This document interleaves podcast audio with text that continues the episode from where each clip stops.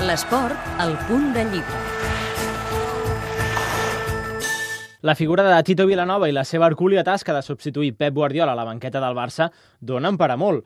També per diverses publicacions sobre la figura de l'entrenador empordanès. Tito Vilanova, el president del Barça, és un d'aquests llibres. El seu autor, el periodista esportiu Lluís Regàs, explica què podran trobar els lectors en el seu assaig.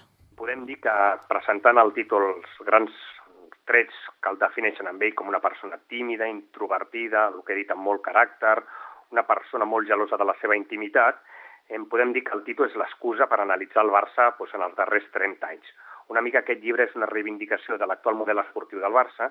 El Barça té una línia coherent, té un guió des de fa molts anys, i és aquest guió el que li està donant resultats a l'equip, no? al club també. Podem dir que avui en dia és l'equip qui sosté el club. Una anàlisi general del Barça com a tret característic del llibre. Regar revela com s'ha gestat la publicació alhora que detalla algun tret més amagat del protagonista.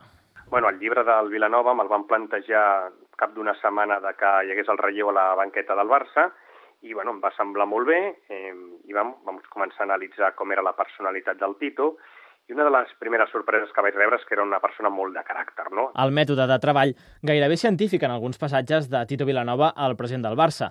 L'entrevista personalitzada amb periodistes de llarg recorregut viscut, entre aquests el mestre. I una mica, com em va dir el Joaquim Maria Puyal, una mica el Tito Vilanova està en aquell procés de que té que construir el seu propi personatge.